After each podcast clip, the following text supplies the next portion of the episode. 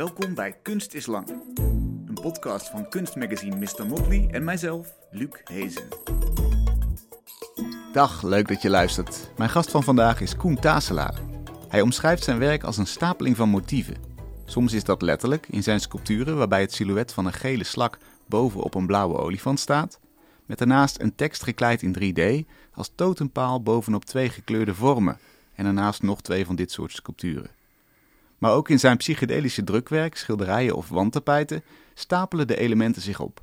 Neem het 8,5 meter lange wandtapijt A Slightly Inaccurate but Nonetheless Lightly Entertaining Story About the Bauhaus. We zien verwijzingen naar het gedachtegoed van Bauhaus, maar ook de cactussen die oprichter Walter Gropius verzamelde. Er staan geometrische figuren in rood, geel en blauw op, maar er is ook een rand van abstracte vormen in andere kleuren. Er zijn monsters, sterren en dansende letters. Hoe langer je kijkt, hoe beter je ziet hoe ingenieus de verschillende lagen en motieven over elkaar heen buitelen. En zo is dat ook in de andere wandtapijten, waar flarde tekst als vorm worden benaderd en dansen met abstracte elementen. Zoals Bauhaus kunst en functionaliteit wilde samenvoegen, ontwierp Koen recentelijk meubels voor de begane grond van Kunstinstituut Melly in Rotterdam. Eigenwijze krukken, stoelen en bankachtige meubelen, met veel schuine poten, opgetrokken uit hout in gedempte geel, blauw en rode kleur geschilderd, te midden van grafisch paarse wanden en een paar paars-roze kussentjes. Welkom Koen, leuk dat je er bent. Ja, dankjewel. Uh, ik moet nog wel even snel zeggen dat Melly samen met uh, architect Thomas Dirks was en uh, grafisch ontwerper Team Thursday. Heel goed. Voordat hij heel boos worden. Voordat jij niet alle credits pakt Ja, hier. precies. Dan heb je weer problemen daarmee. Dus, Snap ik, snap ik. Maar de meubels waren van jou, toch? samen met Thomas wel. En, Ja. en Team Thursday ook. Ik bedoel, het was meer... ehm, ja, het was ook veel een gesprek en ik heb uiteindelijk de, de, de, de eindvormen lagen deels, grotendeels bij mij. Maar Ja. het was wel een samenwerking. Leuk, we gaan het zo verder over hebben. Helemaal goed. Ik wilde eerst eigenlijk beginnen bij het ontstaanproces van jouw vormentaal. Die is heel speels, die is heel Ja. kleurrijk en ook heel divers eigenlijk. En op jouw site lees ik dan dat je werk ontstaat in de grijze ruimte waarin tekst niet alleen betekenis heeft, maar ook op zijn vorm bekeken wordt. Ja. Dat gaat natuurlijk een beetje over de tekst werken, maar Ja, waar ontstaat het? Wat is die grijze ruimte? Nou ja, ik was, ik was denk ik in het laatste jaar van de academie aan het zoeken naar, naar ja, een soort, of ik was heel veel dingen aan het maken, films, eh, sculpturen, tekeningen, schilderijen. En toen dacht ik, ik ga alleen nog maar tekeningen maken en ik ga eh, ja, eigenlijk flyers tekenen. Ik vond altijd soort grafische posters fantastisch. En dacht ik, als ik die nou gewoon ga tekenen en ik kreeg ook altijd commentaar dat het weer of te grafisch was of dit of dat. En dus ik ga dat gewoon ook een soort van uitbuiten. Welke richting zat je? Ik zat op autonoom. Oh ja, en Ja. dan mag het niet te grafisch zijn. Of tenminste, Ja, dat is, was, of het, ja, dat was inderdaad, dat was een, een paar docenten waren daar niet, eh, waren het daar niet mee eens. Dus Oh, toen dacht ik, nou ja, ik, ik- dit is wat ik wil, dus dat ga ik ook gewoon nog, nog extra doen. Dus toen ben ik eigenlijk allemaal kleine tekeningen gaan maken, ook vooral eh, buiten de academie. Dus gewoon, dacht, ik ga tekenen, dan kan ik dat gewoon op ja, mijn studentenkamer doen of, eh, of in de trein of weet ik veel wat. Dus dan heb je ook nog een soort extra vrijheid. En dat, dat werden letters. En kijk, ik was eigenlijk die ehm, ja, letters aan tekenen. En dat, dan heb je een woord, maar dan werd het ook weer een soort van interessanter om het onleesbaar te maken. Of dat het een spel werd. En dacht ik, ik heb eigenlijk, eh, ja, ons westerse alfabet zijn 26 basisvormen die je kan gebruiken. Dus daarmee, ja, dat, daar kunnen woorden uit ontstaan, maar die kunnen ook weer een soort van niet meer ontstaan. Dus dat was eigenlijk een, een begin. En daar eh, zat toen voor mij heel veel in om op door te gaan. En ook, ehm, ja, je hebt dan een soort eh basisset van die letters. En daar kan alles in. Dus Mm. dat was voor mij ook een soort spel van om iedere keer een soort nieuwe tekening uit te vinden. En is het dan zo dat jij eh, dat bijna gedachteloos doet? Of zit er iets planmatigs in? Ja, er zit wel een soort van. Ik heb meestal dat ik een, een, een tekst verzin. Of, of dat je ja, eh, een liedje luistert en de tekst verkeerd hoort. Dat zijn vaak de beste dingen. Dat je denkt, oh, eh, oh dit is geniaal. En dan blijkt dat het niet zo was. Maar dan, Zoals bijvoorbeeld? ik heb nu even zo snel niet een perfect voorbeeld. Maar je, ja, je kent, ik denk dat iedereen het wel kent zo. Dat je hoort van. eh, Dat is de hele Mama Appelsap reeks, toch? Die, die Ja, op 3FM is. precies. Ja, ja. Verkeerd Oh geworden ja, shit, ik heb teksten. Ja. Nee, maar dat, dat dus. En dan, ja, dat kan een begin zijn of gewoon een, een heel dagelijks ding. Ik was altijd een grote fan van Jonathan Richman, de Amerikaanse ja, eh, muzikant. Ah. Die had dan ook een liedje over zijn, eh, zijn Dodge Vegimatic, zijn auto en over een eh, shoppingcenter. En ik vond dat heel mooi, soort van hele kleine dagelijkse dingen, Mhm. waar hij dan hele mooie liedjes over kon maken. Dus dat, dat was wel een soort van... En dan blijft er een flart van een zin hangen. ja, En dan schrijf je dat op. Ja, en dan, dan ga ik daar een soort van, ja, soort bijna, ja, met die letters een soort beeld houden. Tekening maken en daar vormen, ja, die, die soort van schikken en een typografie erbij verzinnen of een letter die, ja, daar een soort mee spelen van. Het kunnen hele puntige letters worden, ronde letters, een soort word art bijna of heel, ja, helemaal uitgebreid, onleesbaar. Mhm. En daar zit ja, voor mij een soort heel veel spel in en eh, goed voor, ja, voor met om dingen uit te proberen. En soms eh, zien we bijvoorbeeld wandtapijten waarin eh, letters opduiken. Hè, Mhm. dus die zijn dan inderdaad bijna niet meer leesbaar. Die moet je Ja. echt ontcijferen. Ja, Hè, de vele lagen zijn er overheen gekomen. ja. Hoe ontstaan die lagen die erop komen? Mm. Nou, je hebt zo'n tekst en daar ga je weer eh, dingen bij verzinnen. Of je, ja, je, je leest iets, je, je eh, vindt iets interessant en dan ga ik dat verder uitzoeken. En dan eh, vind ik het ook altijd vreselijk als kunstenaars het echt willen uitleggen. Dus ik denk dat het voor mij ook bijna een manier is van, het, het mag erin zitten, maar ik vind het ook fijn als het weer een beetje naar de achtergrond gaat. Hmm. Dus het is En wat lees je dan bijvoorbeeld? eh, ja, ik, ik, wat ik heel fijn vind als ik aan het werk ben, is om audioboeken te luisteren. En dan ook vaak eigenlijk hele relatief saaie geschiedenissen. Daar kan ik al heel erg van genieten. dat je bijvoorbeeld eh, ja, dan een 40 uur lang boek hebt over de geschiedenis van Iran. Wat je dan, ja, dat vind ik best wel fijn om te luisteren. En er zitten natuurlijk zoveel gekke verhalen in, of, of citaten en dingen. En daar blijft iets van hangen. Maar dat hoeft niet heel precies te zijn of uitleggerig, maar je, ja, er komen wel verhalen uit. Ja. En die, die zitten er misschien half in. Het is niet dat ik dan denk, ik ga dit helemaal zo uitwerken. Bij zo'n bouwhuiskleed is dat veel meer, omdat het een duidelijke opdracht is. Maar bij eigen werken zijn het misschien meer gewoon eh, ja, stapelingen van informatie. En is dat een anekdote bijvoorbeeld in het ontstaan van, van, van het land Irak? Is er dan iets... Was Iran. Of Iran, sorry. Is daar dan... eh, eh, gaat het daar dan om een sfeer of gaat het om onverwachte dingen die je zelf niet had kunnen bedenken? Wat, wat Ja, dat ik denk toe? dat dat wel een soort van de, de eh, grote kleine geschiedenissen vind ik. Voor Daar, daar reageer ik zelf het meest op, merk ik. Dat is ook in, ja, in zo'n bouwhuiskleed kan je dan, zit dat bijvoorbeeld ook heel erg. Dat je juist de details eruit kan halen die eh, ja, uit hun context niet heel veel per se zeggen. Mhm. Maar als je het dan plaatst, dan, dan, dan komt er een soort heel verhaal vrij. Of dan, dan zegt het wel ook weer heel veel over een tijd of een ding. Of, eh, Ja, kleine grote geschiedenissen. ja, is... Laten we inderdaad naar dat Bauhaus wandtapijt gaan. Eh, het is 8,5 meter lang, krankzinnig lang eigenlijk. Eh, Toch? nou, ja, nee, ja ehm, Je twijfelt? nee, jij, ik, Althans, ik- was bij het textiel, het was een uitnodiging van het Textielmuseum in Mhm. Tilburg. En dan, eh, je hebt natuurlijk die, die hele hal met al die machines staan. En ik vond altijd die, die, de, de Jacquard weefmachines dan, op een of andere manier vond ik die wel meteen het meest interessant. Wat doen die precies, voor mensen die dat niet weten? Ja, dat is een goeie. Het is een, eh, eh, het is eigenlijk, het is uitgevonden door meneer Jacquard in 1799 volgens mij. En het is een, eh, eh, ja, eigenlijk computergestuurd weefapparaat. En ook die, die oude machines hebben dus die ponskaarten met die 1 en die en nullen. Dus het is ook echt een, hele, het is gewoon een hele vroege computer. Ja. En de, nou ja, die oude machines zijn natuurlijk heel tijdrovend om zo'n kaart te maken met de 1 en nullen. En dan kwam daar dat patroon uit. Maar met de combinatie met de computer en dan zo'n textielmuseum kan je nu eigenlijk zo'n industriële techniek heel snel gebruiken. Of er zit een redelijke snelheid in. Dus het is ja, computergestuurde eh, weefmachine. Hoe lang doet hij erover om een tapijt van 8,5 meter en de hoogte is 1? 1,70. En nou ja, dat is dus, je hebt altijd die 1,70 en de lengte maakt niet uit. Dus ik dacht wel, toen ik die machine zag, dacht ik van ja, wat... eh, ik heb nu een soort carte blanche van het textielmuseum, dus eh, kan het ook... Ja, hoe kan ik iets maken wat, wat er ook gebruik van mij? Ik dacht, ja, het moet gewoon zo lang mogelijk. Ja. Dat, dat kan. En dit, is- dit is zo lang mogelijk, 8,5. Nee, het kan ook. Het zou nog 30 meter kunnen, maar 30 toen, eh, Toen zei de curator dat vast niet. ja. Wat was de vraag? Eh, de vraag was, eh, het was 2019 en het was een tentoonstelling van 100 jaar Bauhaus. Je hebt natuurlijk een hele eh, belangrijke eh, textielafdeling gehad bij het Bauhaus. Eh, nou ja, en eigenlijk eh, doe wat met Bauhaus, doe wat met de technieken die het Textielmuseum heeft. Ehm, ja, toen, toen ben ik gaan kijken naar textiel en, en welke textiel je een soort van een persoonlijke klik bij hebt. En daar kwamen toch, ik vond vooral eigenlijk de, de, ja, het figuratieve en, en de middeleeuwse kleden, die hebben een soort platheid. En ik zou, in mijn in, tekeningen zijn natuurlijk altijd met tekst en waar ik het over grijsruimte enzovoort. Dus daar zoek ik ook altijd naar heel erg, ja, een heel plat beeld. Hm.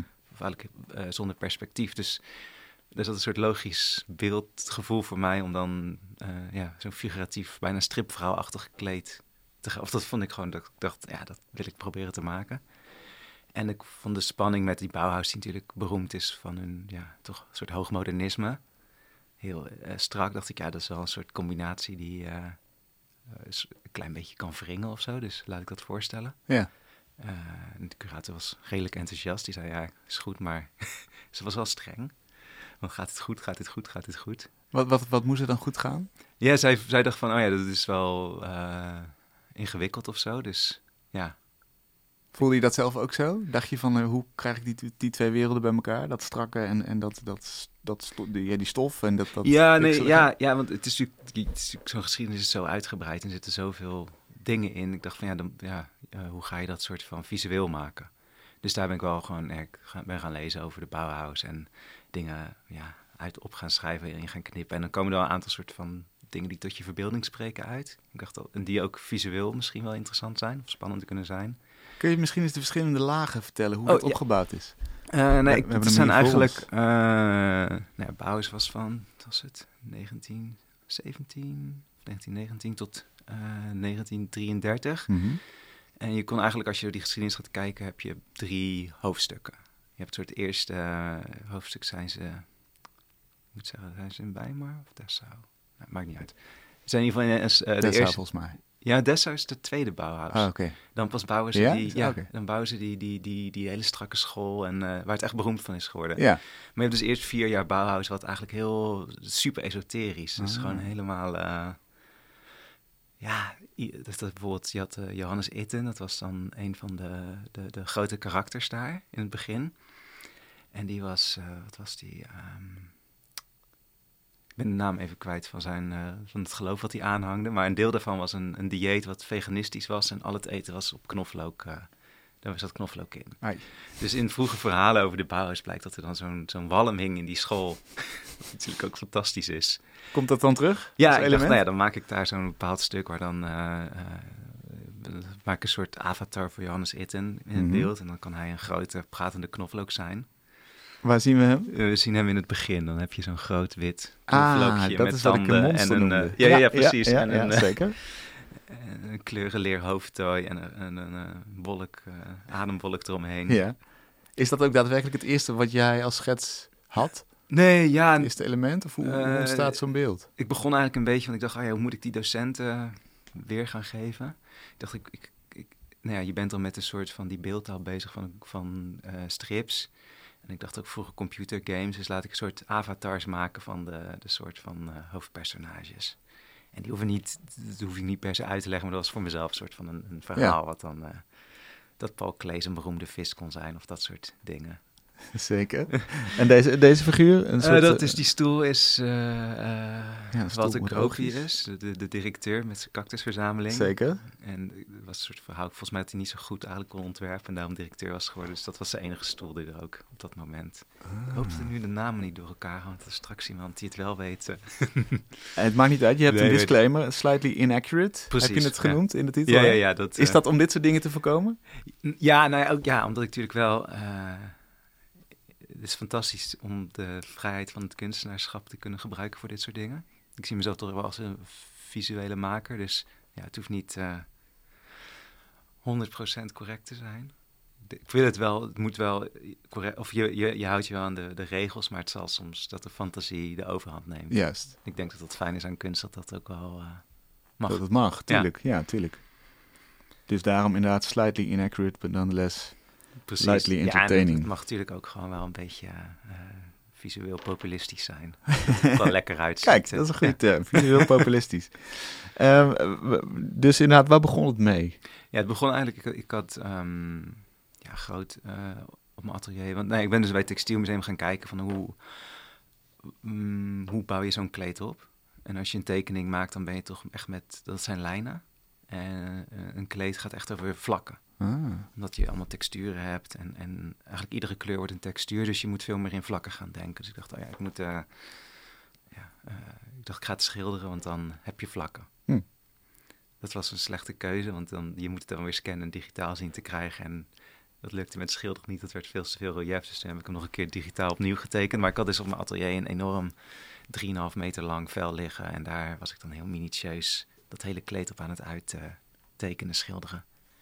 En dat moet ik trouwens zeggen, bij het uh, op van het Textielmuseum was ook als opdrachtgeverschap echt supergoed. Dus we hadden ook wel echt een uh, ja, ruim honorarium dat je er ook echt wel drie, twee, drie maanden aan kon werken.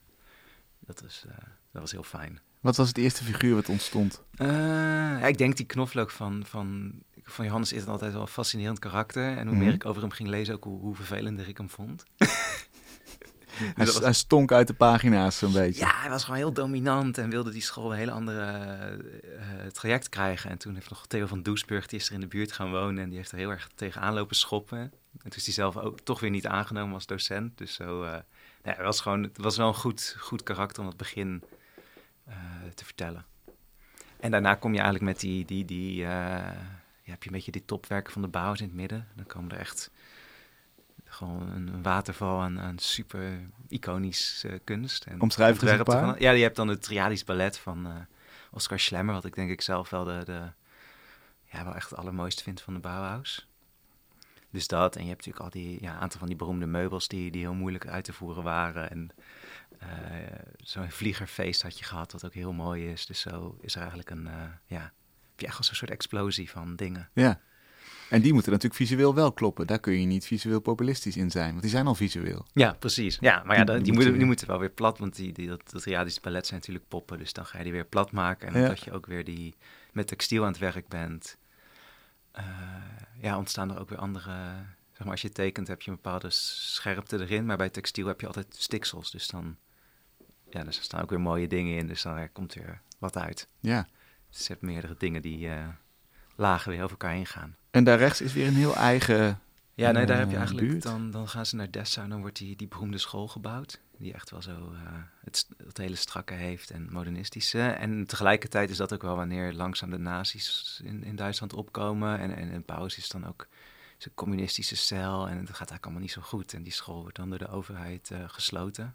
Heel, en eigenlijk gaan alle hoofddocenten die gaan naar Amerika en die hebben fantastische carrières. Dus dat is ook weer heel interessant. Ja.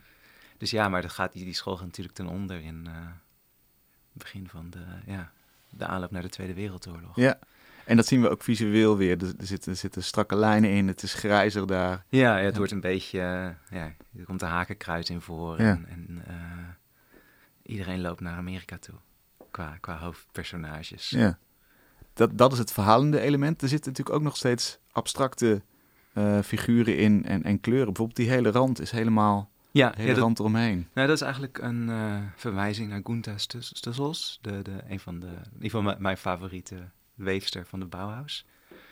Dus ik, daar dacht ik van, oh ja, die, die kleden zijn zo mooi en laat ik die, die, dat soort van gebruiken in de rand. Dus dit, is dit dan een letterlijke kopie of ook nee, geïnspireerd het is, op? Geïnspireerd op. Ja, het is ja, geïnspireerd op een van haar kleden en daar dan stukjes uitgehaald. En, uh, ja, en dat was ook, die, die rand was voor mij eigenlijk tijdens het maken dat ik dan bijvoorbeeld een, een audioboek aan het luisteren was en dan het eigenlijk heel erg rustig aan het invullen was. Dat je, ja, wat aan het doen was en kon luisteren en zo weer ook met dat ding bezig was zonder dat er echt een, uh, uh, ja, dat je echt iets, iets visueels moest invullen. Je kon het invullen en daardoor ook weer op nieuwe ideeën komen. Hmm. Dus dat was zo'n rand, was een fijn uh, pauze in het werk of zo. Als je naar dit werk kijkt, waar zit dan echt jouw handschrift in? Waarvan denk je, dit is echt Koen Taselaar, dit is maar dit had ik, dit is, ben de enige die dit had kunnen bedenken. Of ben je het meest vraag. trots op? Nee, ja, uh, ik, denk, ik denk eigenlijk de, de, de totaal, gewoon het, het bij elkaar zetten van dingen. Het uh, vullen en dan ook nog dat, hoe dat dan bij elkaar komt en dat het net uh, bijna een beetje lelijk wordt en te vol is. daar zo. Het is te vol en, en, het wordt bijna lelijk. Ja, dan wil ik, dat is altijd wel een beetje het punt waar ik, waar ik naar op zoek ben, denk ik. Het, het mag altijd wel, uh, ja. Het mag net op het randje zitten dat je denkt, pff, het is wel echt veel. En Wat is daar het voordeel van? Waarom is dat zo fijn? Uh, ja, dat is ook gewoon de uitdaging voor jezelf. Van hoe, hoe ver, hoe vol kan je het krijgen? Hoe, wanneer wordt het, is het te veel? Is het, werkt het niet meer? En daar een soort van compositie in zoeken. En ik denk dat het eigenlijk gewoon een soort uh, spel met jezelf is. Ga je wel eens over die grens heen? Of Ja, misschien elke keer? Ja, niet elke keer. Je hebt vaak wat, of dan, dan meestal komt, als ik een tekening aan het maken ben, zit er wel zo'n soort stuk in dat ik denk, oh ja, nu gaat het net niet. En dan ga je er overheen, dan komt het ook wel weer. Dan weet je op een bepaald moment, weet je van nu klopt het wel. Er zijn Hmm. genoeg elementen in en dan werkt het. Dat is ook altijd een heel fijn stuk. Dan heb je, denk je, nou ja, fijn. Nu kan We ik hebben hem. Ja, precies. Nu kan Ah. ik rustig eh, het afmaken en dan zal het wel redelijk goed gaan. Maar vaak in het begin, en soms ook niet hoor, dan, dan is het toch iets te veel. En dan knip ik weer stukken uit of dan ja, snij je het aan stukken. En dan plak je dat weer in andere, kan je het in andere tekeningen plakken en dan ga je weer verder. Maar de basis is, is steeds een fysieke tekening. Want dit is natuurlijk in principe in de, in de computer ook getekend. Ja, dit is ja maar de basis is, er is een heel gro- grote tekening van. Niet altijd meer, ik vind ook eigenlijk wel best wel veel plezier gekregen ook in het digitaal tekenen. Hmm. Dus dat ik ook in de tentoonstelling nu bij Andries Eijk, galerie in Amsterdam, Mhm. Daar hangen dan ook een stel kleden die echt van gewoon hele snelle digitale tekeningen zijn. Dus dat vind ik ook alweer een spel om, om verder uit te zoeken. Ja. En die kun je natuurlijk, daar kun je heel makkelijk dingen weghalen, verplaatsen. Ja, ja, Eh, ja, zeker. het is te veel of ik doe dit keer vier. Ja, ja en dat vind ik ook. Ik was dan eh, eh, afgelopen mei in Frankrijk voor volgend jaar voor een tentoonstelling. Om bij een aantal plekken te gaan kijken. En dan zie je ook bij al die middeleeuwse kleden. Je hebt dan zo'n karton. En daar zitten dan ook op, bijvoorbeeld ieder, alle planten zijn gewoon herhaald. Hmm. Dus dan wordt dezelfde tekening gebruikt om dat nog een keer te weven. Dus ik dacht, nou dat is eigenlijk fantastisch. Dat kan je ook heel makkelijk eh, digitaal doen. Dus laat ik dat ook gewoon deze traditie voortzetten. Ja, terwijl je zou ook kunnen denken, ik kan het heel makkelijk digitaal veranderen, dus ik wil juist dat alles uniek is. Ja. Waar- waarom kies je dan toch voor die oude traditie? Nee, het is natuurlijk ook gewoon heel makkelijk. Het is ook gewoon een soort makkelijkheid. Copy-paste. Ja, precies. En Ja. het kan. Dus ik vind dat ook altijd wel een goede reden. Als het kan, dan... eh, Dan moet je het maar doen. ja, dat- ja, of je kan het hier van een aantal keer doen. En als je dan weer zat bent, dan... Ja, ja. Dus daar zit me altijd wel een soort...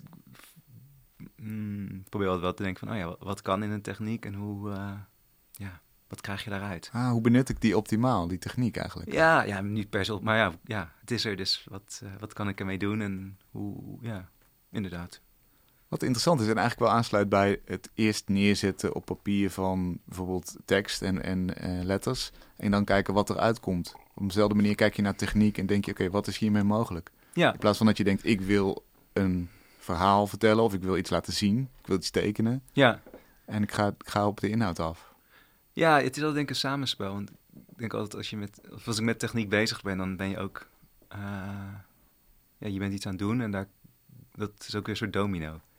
Omdat je bezig bent, komt er iets uit. Dus soms kan het gewoon heel fijn zijn om even een aantal dagen helemaal in die techniek te gaan. En ik hou ook van techniek hoor, dus dat is ook gewoon, gewoon persoonlijkheid. Dat je denkt, ik vind het interessant, ik verdiep me er graag in. Ja.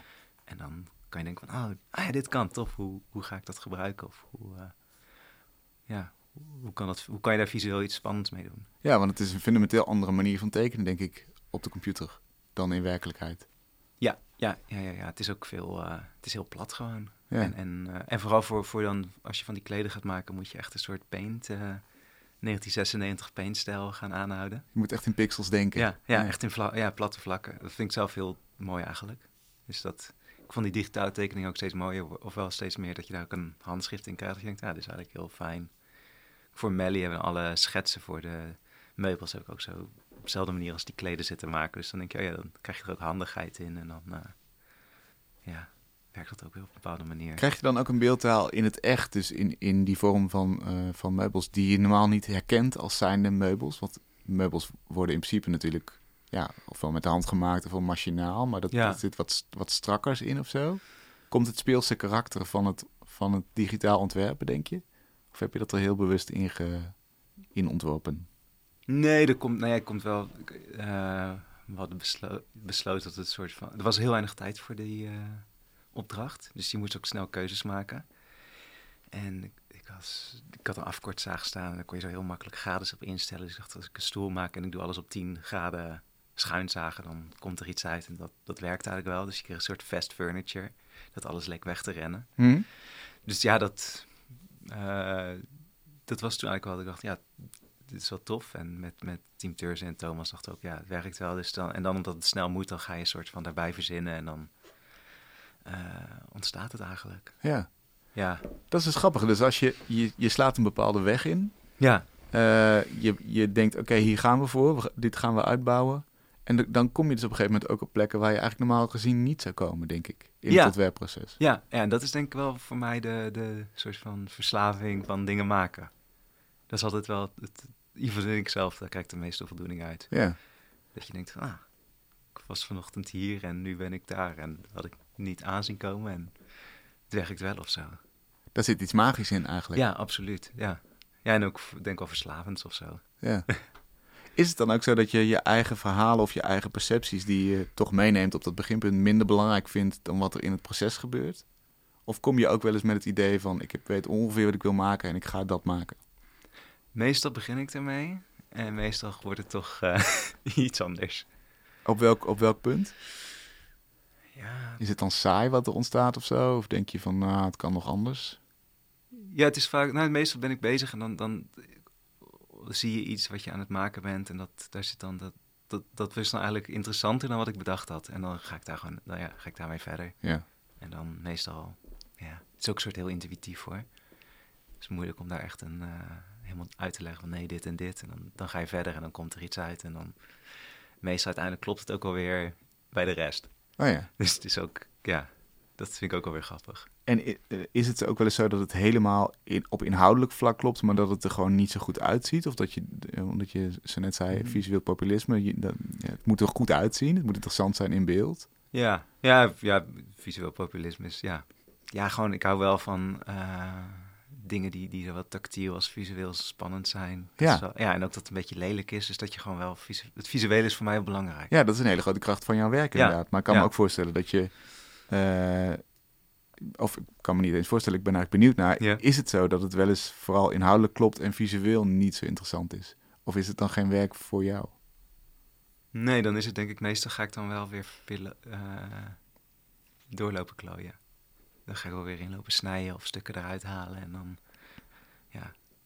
Ja, dat is grappig, dat is toch je, je persoonlijk... Ja, ik zoek toch altijd eh, weer ernaar dat het niet weer helemaal klopt of zo. Ja, Maar dat klopt wel. Je kan, je kan natuurlijk eh, het helemaal bedenken en dan uiteindelijk wordt het gewoon heel saai. ja iets kan heel conceptueel Ja. heel sterk zijn, maar er gewoon niet uitzien. Ja. Maar dat, dat zal van, onder jouw naam niet zo snel verschijnen, denk je. Nee, misschien ook wel een keer hoor. Dat, is ook fijn. Over Bauhaus gesproken, Ja. die wat Gropius, we noemden hem al, de oprichter eigenlijk, of de, de, een van de grootste namen daarvan. Ja. Die zei eigenlijk, er is geen verschil tussen kunstenaars en ambachtslieden. Eigenlijk eh, moet je dat combineren. En een kunstenaar is gewoon een, een ambachtsman die zichzelf overtreft. Daar zit eigenlijk weinig verschil in. Voel, jij dat ook zo voor je eigen praktijk? Mm, nou, ik denk... eh, wat, wat heel fijn is aan kunstenaar zijn... In, eh, tegenover ambachtslied... is dat je... Of als je een ambachtsman bent... dan gaat het echt om het, eh, het perfect uitvoeren ervan. En daar zit ook veel meer een... Nou ja, als timmerman heb je veel meer vaste lijn. En als kunstenaar kan je soort van... door, door alle lagen heen. Bedoel, voor Melly, dan kan je echt, dan kan je gewoon drie maanden lang je wel helemaal overgeven aan een soort ambacht. Of het, ja, het maken van stoelen, twee maanden. En hoe dat moet en hoe die verbindingen zijn enzovoort. Dat vind ik fantastisch. Mm. Maar ik vind het ook heel fijn dat ik dan ook weer een paar weken lang science fiction boeken kan lezen of zo. Ja, Dat, en die, die vrijheid, dat is wel echt voor mij reden om kunstenaar te zijn. Dat je juist heel erg, eh, dat is fundamenteel. Dat je mag shoppen, dat je je eigen interesse mag volgen. Ja, precies. Dat je gewoon heel. Je, je- ja, je kan een ambachtslied, je kan een ambachtsman zijn, maar je kan ook, eh, weet ik veel, een keer een week lang podcast gaan maken. Ja. En dat vind ik zelf wel het meest fijn aan, kunstenaar, aan het kunstenaarschap. Mhm. Dat kan je mooi misbruiken om je, je interesses te volgen. Ja. En dat mensen het dan ook nog goed vinden en, en, er, en er eventueel geld voor over hebben. Dat is dan heel mooi meegenomen als dat kan. Ja, ja dat is natuurlijk wel. eh, ja, je zit toch aan externe factoren om door te kunnen gaan. Ja. Ja, dus dat. In hoeverre bepalen die externe factoren dan je beeldtaal? Want inderdaad, je kunt wel, ja, je, je, kun- je kunt eh, je eigen fascinaties volgen, maar als anderen denken van ja, dit is inderdaad net iets aan de lelijke kant of zo, we, willen Ja. het niet.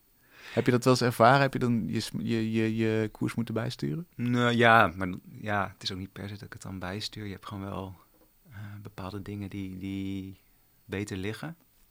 Dat je denkt, dan andere dingen. Zoals? Nou ja, ik weet wel als, als, je, als ik een kleed maak met veel, eh, wat heel wilderig is en, en over het algemeen een paar lekkere kleuren erin, dan sowieso wandkleden die zijn meer in trek dan, dan beelden bijvoorbeeld. Hm. Maar ik vind juist het ook wel heel fijn om die twee dan weer eh, bij elkaar te gaan zetten. Of ook met kleden, dat je één, ook in de tentoonstelling nu bij uh, uh, Andriese Eik, dan hangt er een heel wilderig gekleed met een draak erin, die echt heel, helemaal over de top is en super gedetailleerd. En daarnaast hangt dan een heel minimaal kleed. Wat dan echt zo'n hele snelle computertekening is. Met banaantjes? Ja. En, denk ik, hè, dat je die bedoelt? Ja, precies, ja. Bananenschilletjes? Ja. Wat heel erg aan een soort van Nintendo-game doet denken. Ja, precies, ja. Zo'n, dat had je zo'n postman, dat je dan zo'n krant door bij mensen voor de brievenbus moest gooien en die dan door het raam kon gooien of zo. Ja. Ja, dus dat die, die twee naast elkaar zetten vind ik dan zelf heel fijn. En dan weet ik wel van, nou, dat bananenkleed is wel echt... Ja, dat is, moeilijk, dat is veel moeilijker qua, om daar een koper voor te vinden. Ja, precies. Ja. ja. Maar goed, het is ook... Uh, het ene helpt ook weer het andere. En is dat dan... Um, zie je dat als, als één werk of als één beeldengroep inderdaad, zo'n hele tentoonstelling? Want als je ze los zou benaderen, dan zou je inderdaad zeggen: ja, waarom zou je dan zo makkelijk kleed maken als, als, je, dat, als je dat misschien niet verkoopt? Ja, ja nee, dat is wel. Ik bedoel, een tentoonstelling is wel. Uh, net als zo'n Bauhauskleed, dat zijn ook heel veel elementen die je dan op één beeld samenvoegt. En zo zie ik zo'n tentoonstelling eigenlijk ook wel. Als een soort ruimtelijke tekening. Dus daar wil je ook weer die, die dingen die elkaar op een bepaalde manier ontkrachten, bij elkaar zetten. Dat ja. ook weer een soort spanning oplevert. Ja. Hoe zit het met de spanning van, van de betekenis van het werk? Want ik wil nog even toe naar een Ja. ander werk uh, wat je maakte uh, voor, uh, in opdracht van het Nederlands Consulaat. Hè? Dat was in, voor de, de collectie van Hermitage in Sint-Petersburg. Ja, oh ja, dat, ja. In december 2020 opgeleverd ja. over 300 jaar culturele betrekkingen tussen Rusland Ja. en Nederland. dus we hadden daar Peter de Grote natuurlijk, die speelde daar de hoofdrol. ja, in het begin inderdaad. Ja, ja. Ja. dat was de vraag inderdaad. Ja. Hè? Dus geef, geef Nee, zijn... de, de, de eh, vraag was, ehm, je hebt de, de Ruslui gehad. Dat was een groep handelaren uit Frieseveen, in de buurt van Almelo. Ja, En die hebben tot de Russische revolutie van 1917... hebben ze 200 jaar lang best wel een grote rol gehad in Sint-Petersburg als handelskolonie. En dan gingen hun, ja, die gingen dus ieder eh, aantal mensen uit dat dorp, een soort van paar honderd man, gingen dan naar Sint-Petersburg om daar te handelen. En daar hadden ze een Nederlandse kerk en dat soort dingen. Dus eigenlijk dat, eh, nou, in 2020 was natuurlijk al een moeilijke relatie met Rusland. En Mm. het was dan een idee van eh textielmuseum met consulaat om daar, nou ja, weet ik, dat was dan een soort, dat was ook heel politiek. Samen met de Hermitage om toch die, die culturele betrekkingen die er ooit waren, om daar iets mee te doen. Ah, dus het was ook echt een soort van... Ja, vredesoffer klinkt misschien te groot, maar... Eh, Ja, het was wel, zeg maar, natuurlijk ook met die MH17, wat er allemaal was en, Ja. en alles. Dus het was inderdaad een gebaar van goede wil. Wat heel, wat heel beladen is voor jou, lijkt mij, zo'n opdracht. Hoe, hoe ging je daarmee om, met die spanning? Eh, ja, nou ja, het was, het was ook wel weer van... Ik, bedoel, ik ben ook een soort kuifje dan. Dus het is een hele beladen opdracht, maar ik ben ook ontzettend nieuwsgierig. En geloof ook altijd, altijd in een soort dialoog. Dus nou ja, die opdracht kwam er, of die vraag kwam er. En dan het Textielmuseum zou de, eh, nou ja, het heen en weer pingelen grotendeels doen. En het is ook wel een verhaal. Ik ben altijd wel geïnteresseerd geweest in Russische geschiedenis die echt gruwelijk is. Dus ja, het gaf ook weer een moment om daar eh, mee aan de slag te gaan. Je had weer een audioboek Ja, over de precies. geschiedenis van een land. Meerdere. Ja, ja. ja. want er was een vreselijke tsaar eigenlijk. Hè? De, de- hij heeft, Peter de eh, Grote. ja, Oh ja, ja. Ja, maar iedereen. eh, Het is echt... Het, eh, als je dan verder gaat... Ik, het mocht gelukkig stoppen ook in 1917... toen al die Nederlanders eruit geschopt werden. Want daarna wordt het echt verschrikkelijk. Ja. Maar ho- hoe ga je daarmee om? Je zei, je zei ik ben een soort kuifje. Nou ja, als je dan naar Rusland moet gaan... en dan moet je met die mensen van de Hermitage gaan praten... en dan... Ja. Het is ook fantastisch dat je dan in een lege Hermitage rond gaat lopen... en dat soort dingen. Dus daar ben je een soort kuifje in. Juist. En we moesten natuurlijk ook, dat was nog voor corona net. Er zou nog een school mee gaan doen, een academie daar. En dan zit je vier uur lang in een klein kamertje met iedereen te onderhandelen en een tolk. Wat er dan in moet komen en wie en weet ik wat. Dus ja, daar, eh, dat is natuurlijk ook wel heel, Het is een avontuur voor Ja. jou persoonlijk. ja, absoluut. Ja. Heb je wel eens gedacht van, want toen was het natuurlijk al duidelijk, die Poetin, ja, die deugt eigenlijk voor geen meter. Moet ik dit wel doen of niet? Moet ik hier aan meewerken persoonlijk? ja, maar ja, dat vind ik dan heel lastig, want je hebt Poetin en je hebt natuurlijk eh, het Rus- de Russische mensen. En dan denk ik toch dat het beste is om daar wel een soort van dialoog te houden. Ik wil nu, dat was natuurlijk voor die oorlog. hè? Zeker, ja, ja, dus ja. dat is heel. En ik kon gelukkig, nou ja, ik bedoel, dan heb je, ehm, ja, dat is ook de Hermitage die dan via, want toen kwam corona, dus alles moest via Zoom. Dus toen was er een soort van een eh, commissie die dat kleed dan ging keuren. Alleen deden verbindingen die, dus je had zo'n zwart scherm en dan stel mensen van die stemmen die je hoorde. En ja, dan was het ook wel, wel allemaal goed of zo. Ja. Maar doordat je veel lager erin kan doen, kan je natuurlijk ook wel heel veel je, je eigen kritiek er weer in gaan verwerken. Hoe heb Dus- je dat gedaan bijvoorbeeld? Wat zien we? Nou, je hebt bijvoorbeeld aan het eind van het kleed heb je een, eh, eh, het kaartenhuis wat dan instort van de, de eh, Russische ja, monarchie. Maar dat is dan in een zonnebloemenbeeld. En bij ons monument voor MA17 staan dus allemaal zonnebloemen omheen. Dus dan heb je eigenlijk al een soort... Wat gek is dat je Rusland hebt wat instort in een zonnebloemenveld. En Oekraïne is ook beroemd om de zonnebloemen. Dus dat is een soort van gekke voorverwijzing. Hmm. Ja, dus en je hebt dan Peter de Grote, dat was dan een spotprint van, van een kat. Dus dan dacht ik, ja, dan maak ik van hem een hele grote kat. Dan heb je en een soort van element wat aantrekt, maar tegelijkertijd de draak met, eh, met hem steekt. Dus Ja. daar ja, kan je dan wel mee gaan spelen en proberen en doen. En dat vonden ze ook goed? Of hebben ze ook nog op een gegeven moment gezegd van... Nee, het was gewoon allemaal goed. maak het iets minder... eh, Nee, nee, nee. Ik bedoel, het is ook natuurlijk allemaal best onduidelijk. Dus je, je- omdat je die verwijzingen hebt. Ik had dan ook zo'n. Ik vond de Russische Lubok-prins heel mooi. Het waren een soort houtsnijwerken voor het volk. En dan zat er ook ergens een print in wat dan eh, ging over een reus in Barcelona uit, weet ik wat, 1700 zoveel. Maar dat was allemaal nepnieuws die mensen had. Ik dacht, hé, dan zet ik die reus er ergens in. En dan heb je ook alweer zo'n soort nepnieuws. eh, ja. Ja, precies. Ja. ja, dus zo kan je natuurlijk heel erg spelen met, met alle betekenissen en doen. Ja. Dus daar zit dan voor mij wel een soort van plezier in. en, en ik kan me heel goed voorstellen dat je op een persoonlijk niveau het op die manier vormgeeft. Ja, Heb je dan ook nog zoiets van dat moet dan aankomen? Of ik wil daar echt een punt mee maken? Of Nee, zeg je, absoluut. ik stop het erin? nee, en- ik vind het heel fijn als je... Ik denk dat je als kunstenaar punten maken is altijd lastig. Vooral omdat het visueel is, dus, dus betekenissen veranderen. Dus je punt zal toch altijd weer anders worden. Ja. Maar goed, het, het kan aankomen voor nu en laten we zeggen de komende 50 jaar of zo. Ja, maar... te- Is het niet jouw rol? Nee, ja, dat kleed is toch denk ik meteen in de opslag verdwenen. Oh ja. Goed, dus dat, dat is sowieso... Oh ja, is dat je inschatting? Ja, volgens mij is het wel... Het is naar een depot-ding daar gegaan. Dat is, dat is eh, als een cadeautje wat, wat men Ja. eigenlijk niet wil. En, eh, Ja, nou, ik denk dat men het eerst wel wilde, maar toen met corona en alle, alle dingen, dat natuurlijk het ook heel snel eh, grenzen dicht gingen en alles. Dus dat het wel snel moeilijk werd. ja. Maar is dat dan frustrerend? Vind je het belangrijk dat jouw werk gezien wordt in die zin en, en geaccepteerd? Nee, ja, dit is natuurlijk iets waar je, je begint er al mee dat het een, een bepaalde vaagheid heeft. Ja. Dat was ook al zo. Dus dan ga ik er ook wel van uit dat dingen, ja, dat je het niet weet. dat het gewoon, ja, ik heb ook in in China een residentie gedaan bij een keramiekplek en die beelden zijn ook, ik ging ervan uit dat die beelden zouden verdwijnen. Wel, gewoon met alle chaos en dingen, dat je denkt, ja... eh, Maar dat is toch krankzinnig? Ja, maar dat is toch gewoon wel, ja, het is ver weg. Of het is, eh, vooral natuurlijk corona heeft er heel veel mee meegespeeld. Dus dat was wel een bepaald moment dat je in midden 2000, midden 2020 denkt van nou, dit, dit gaat nog wel even duren. En Hmm. die beelden in China zijn trouwens ergens in een hotel en die hebben ze gekocht. Maar er is een of ander ding voor de financiën die eh, in de weg zit. Oké, een ding voor de financiën? Ja, dat er een, eh, omdat het met een buitenland niet-Chinees iemand is, niemand snapt het meer. Oké. dus dat, Maar, maar de, de grootste... Je, je klinkt niet alsof je eronder lijdt. nee ja, ik denk Het is gewoon een grote, grote grap eigenlijk. Het is een avontuur. Ja, het is vooral een avontuur dat, vooral Ja. met dat soort dingen. Dan, dan heeft het ook weinig zin om daar te erg... eh, eh, ja, ik bedoel, zo'n kleed is jammer. Het is gewoon wel jammer dat dat kleed dan daar verdwijnt, soort van. En misschien komt het weer een keer terug. Maar dat, ja, ik denk ook dat dat er gewoon soms bij hoort. Hmm. Ik ben ook, misschien dat het mij ook wel gewoon heel veel... Dat ik het maak en dan zo'n onderzoek te doen en alles... Dat dat ook wel gewoon iets is waar ik veel plezier uit haal. Ja, en dan is het wel jammer dat het zo gaat. Maar goed.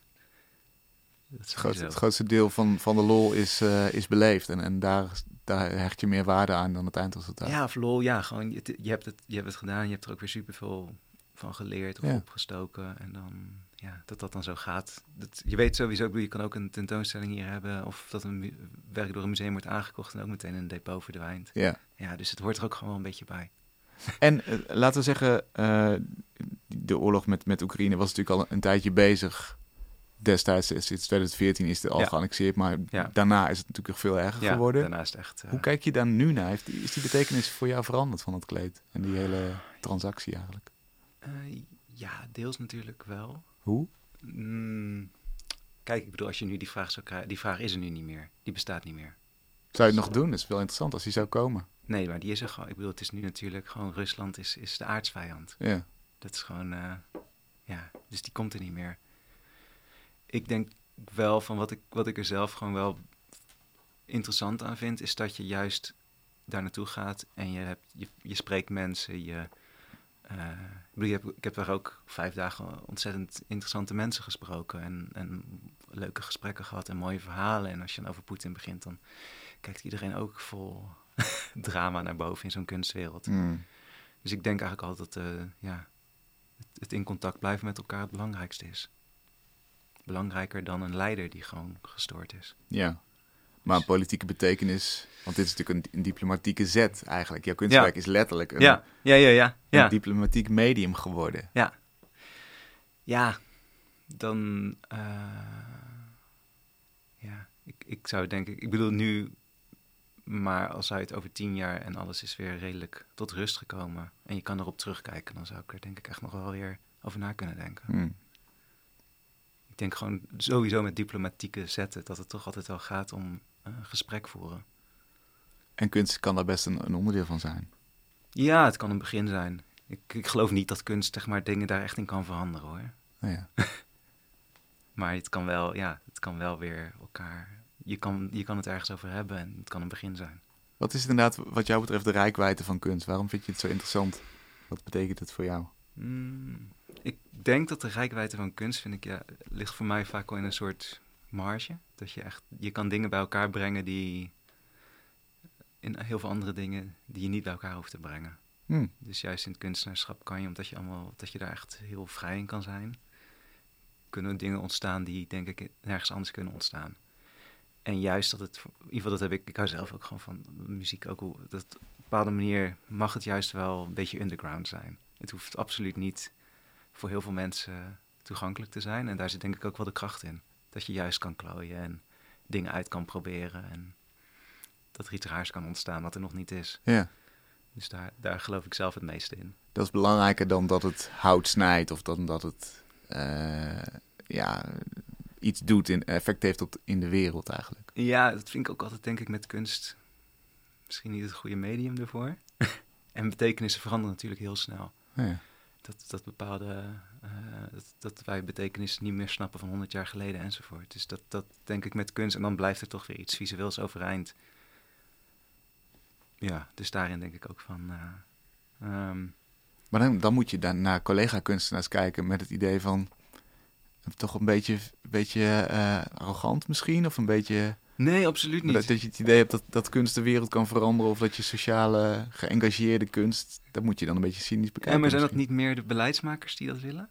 Nou, er zijn heel veel kunstenaars? die dat ook wel geloven, dat hun werk dat kan. Ja, ja nou ja, dat, dan... Of moeten geloven misschien wel, maar, Ja, dan denk ik, dat is super fijn dat je dat wel gelooft. ja, maar jij kan het niet geloven. ik kan het niet geloven, maar ik denk dat ik dat dan, ja, ik denk dat dat toch in andere dingen zou zitten. Hmm. Ik denk dat ik dan dus ook geen kunstenaar was geworden, maar dan zou je wel andere plekken hebben waar je dat wel misschien zou kunnen. Als politicus of activist of... Ja, ja ik denk meer als politicus misschien, Ja.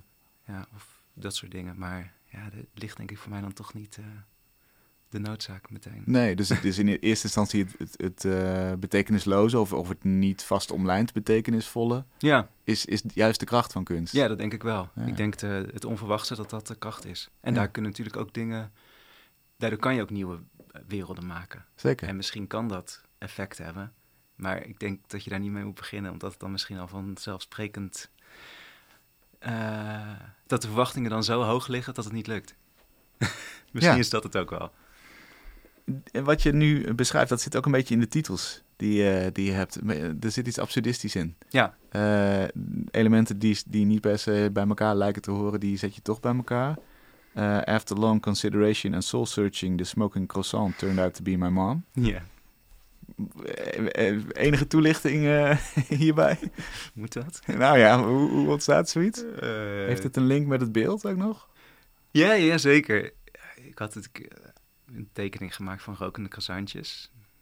En eh op moment mijn moeder die rookt sigaartjes. En die maakte vroeger altijd croissantjes. Dus dacht, god. Hier komt het vandaan. Je had je eigen... een soort croissant rokend sigaartje. Oh ja, je eigen hersenspoor had je... eh, Ja, per ongeluk was dat een soort. En toen viel het bij elkaar. dacht ik, ja, dat is wel een mooi kleed eigenlijk. ja. Dus dat dan ook zo...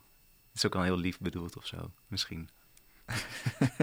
Oké, duidelijk. Ja, The age-old question of what came before, the cat house or the architect. Uh, Simone, mijn partner, die had een, een kat in haar studio gevonden. Een grafisch ontwerper. En uh, hij was super enthousiast over die kat. En toen ineens hadden we een kat.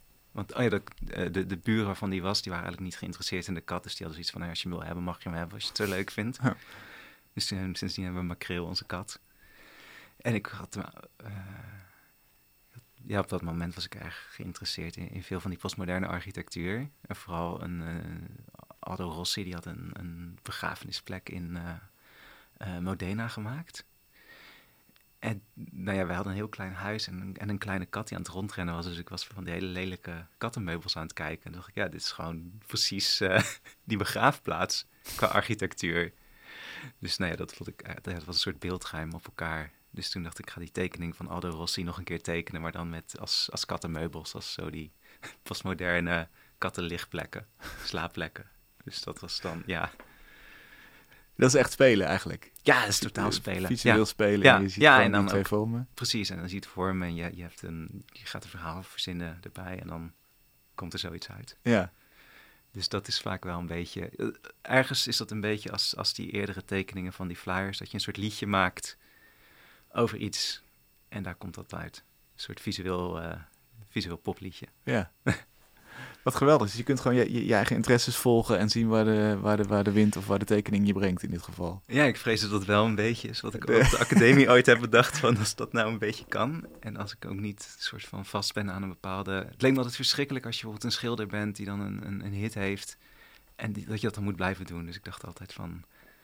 Uh, daar vond ik David Bowie als muzikant altijd fantastisch. Dat ik dacht, oh ja, ik hoop dat ik ergens een soort slechte disco-periode heb en dan weer dat. En dat je dat kan... Uh... je jezelf opnieuw uitvindt steeds. Ja, dat je dat, die, die, dat plezier er ook in houdt.